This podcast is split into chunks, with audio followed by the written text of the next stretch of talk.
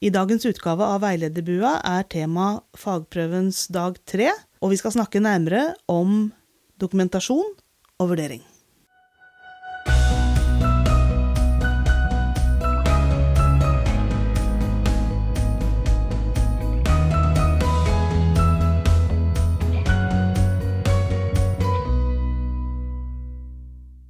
I studio i dag sitter Arja Keshvari, som er med i prøvenemnd, leder av Trosterudklubben og sitter i yrkesutvalget.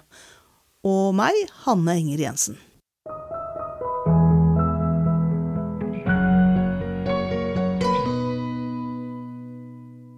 I veilederbua så har vi de to siste gangene snakka om fagprøven. Og det skal vi gjøre i dag òg. I dag har vi kommet fra til dag tre, som er dokumentasjons- og vurderingsdagen. Arja, dag tre. Hva skjer?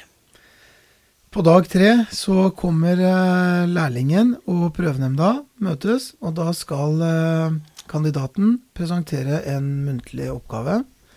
Ehm, og så skal eh, man gå gjennom hele fagprøven før kandidaten får en karakter da, til slutt. Men før det så skal det være skrevet en egenvurdering. Hvor lang tid har man på å skrive den egenvurderinga? Egenvurderingen har de fire timer på å skrive. Kan de skrive den på dag to, eller må det skrives på dag tre? De kan begynne på dag to etter endt arbeidsdag. Og, men de har i hvert fall eh, fire timer til rådighet på dag tre uansett. Mm. Har jeg lov som veileder til å liksom tipse lærlingen om hva de bør ta med seg? Ting jeg har sett, eller Absolutt, man bør støtte kandidaten eh, sin og gi råd og tips. Det er helt innafor. Kan de sitte hjemme og skrive den evalueringen, eller må det også skje på prøvestedet? På dag tre så bør du sitte på prøvestedet og skrive også, uh, i tilfelle skulle komme noen problemer med PC og internett og sånne ting. Når man skriver den skriftlige evalueringen på de fire timene, hva er det som skal evalueres egentlig? Der skal man eh, evaluere både det skriftlige arbeidet man har gjort eh, første dagen, og man skal eh, vurdere gjennomføringen man har gjort på dag to. Så man skal si noe om man nådde målet, om tiltakene var gode? Absolutt. Og så bør man også gå inn på om eh, hva som har gått bra, og hva som eh, ikke har gått så bra. Hva som kunne vært gjort annerledes.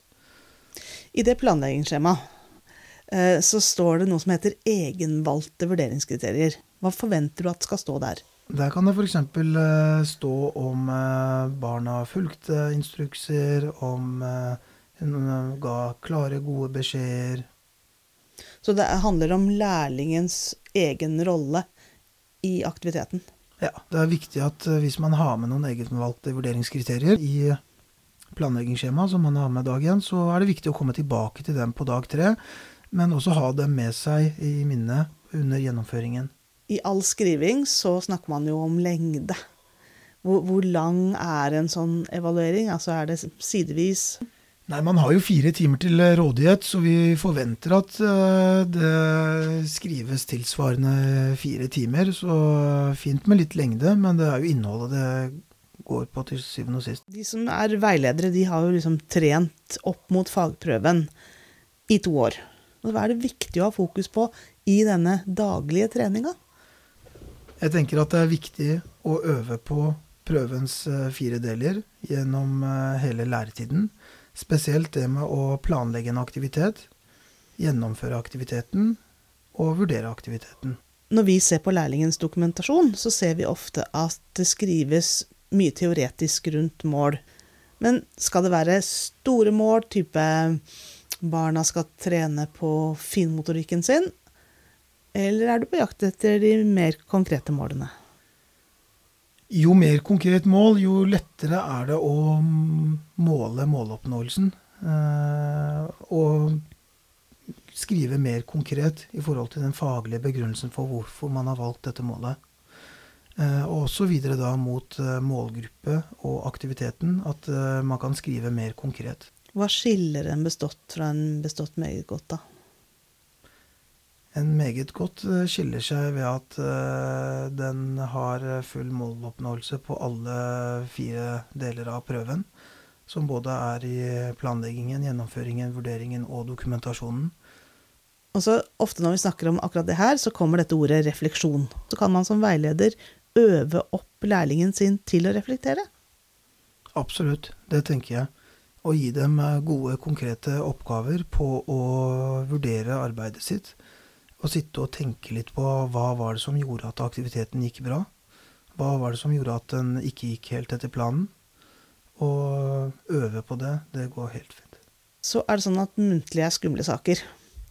Uh, og jeg tipper at dere ofte får spørsmål fra veiledere kan jeg bli med inn på dag tre. Kan de det? De kan dessverre ikke være med inn på dag tre sammen med kandidaten. Og hvis det, kandidaten stryker, så har jo tendens til å falle ned et jernteppe, og så hører man ikke mer hva du sier. Hvordan skal man vite hva det var som gjorde at man strøyk, hvis ikke det er noen vitner der, på en måte? Det er jo derfor det alltid skal være to fra prøvenemnda som er til stede. Og så forklarer man og begrunner eh, så godt man kan før man eh, gir den endelige karakteren. Eh, og så gjøres også kandidatene oppmerksom på at man skriver en protokoll og sender da til Utdanningsetaten, og kopien går da til kandidaten. Og Det skal være til hjelp for kandidaten å vite hva den skal øve mer på til neste gang. Hvor lenge omtrent må man vente før det blir en ny prøve? Innen seks måneder før så kan man eh, gå opp igjen. Ofte så tar det en tre måneders tid, veit vi i opplæringskontoret i hvert fall, før man får gått opp.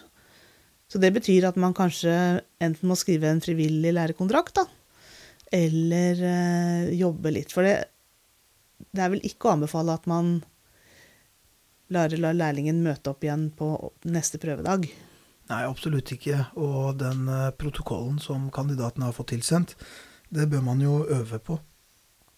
Og da trenger man et uh, sted å øve på det. Men vi satser på at alle står? Det gjør vi absolutt. Ja. Vi har avslutta de to andre episodene med eh, et godt uh, råd. Hva er råd for dag tre? At veilederen hjelper kandidaten med å øve gjennom hele læretiden, sånn at den er godt rusta for å vurdere sitt eget arbeid på dag tre. Så dag tre er egentlig et punktum for to års læretid. Det er det.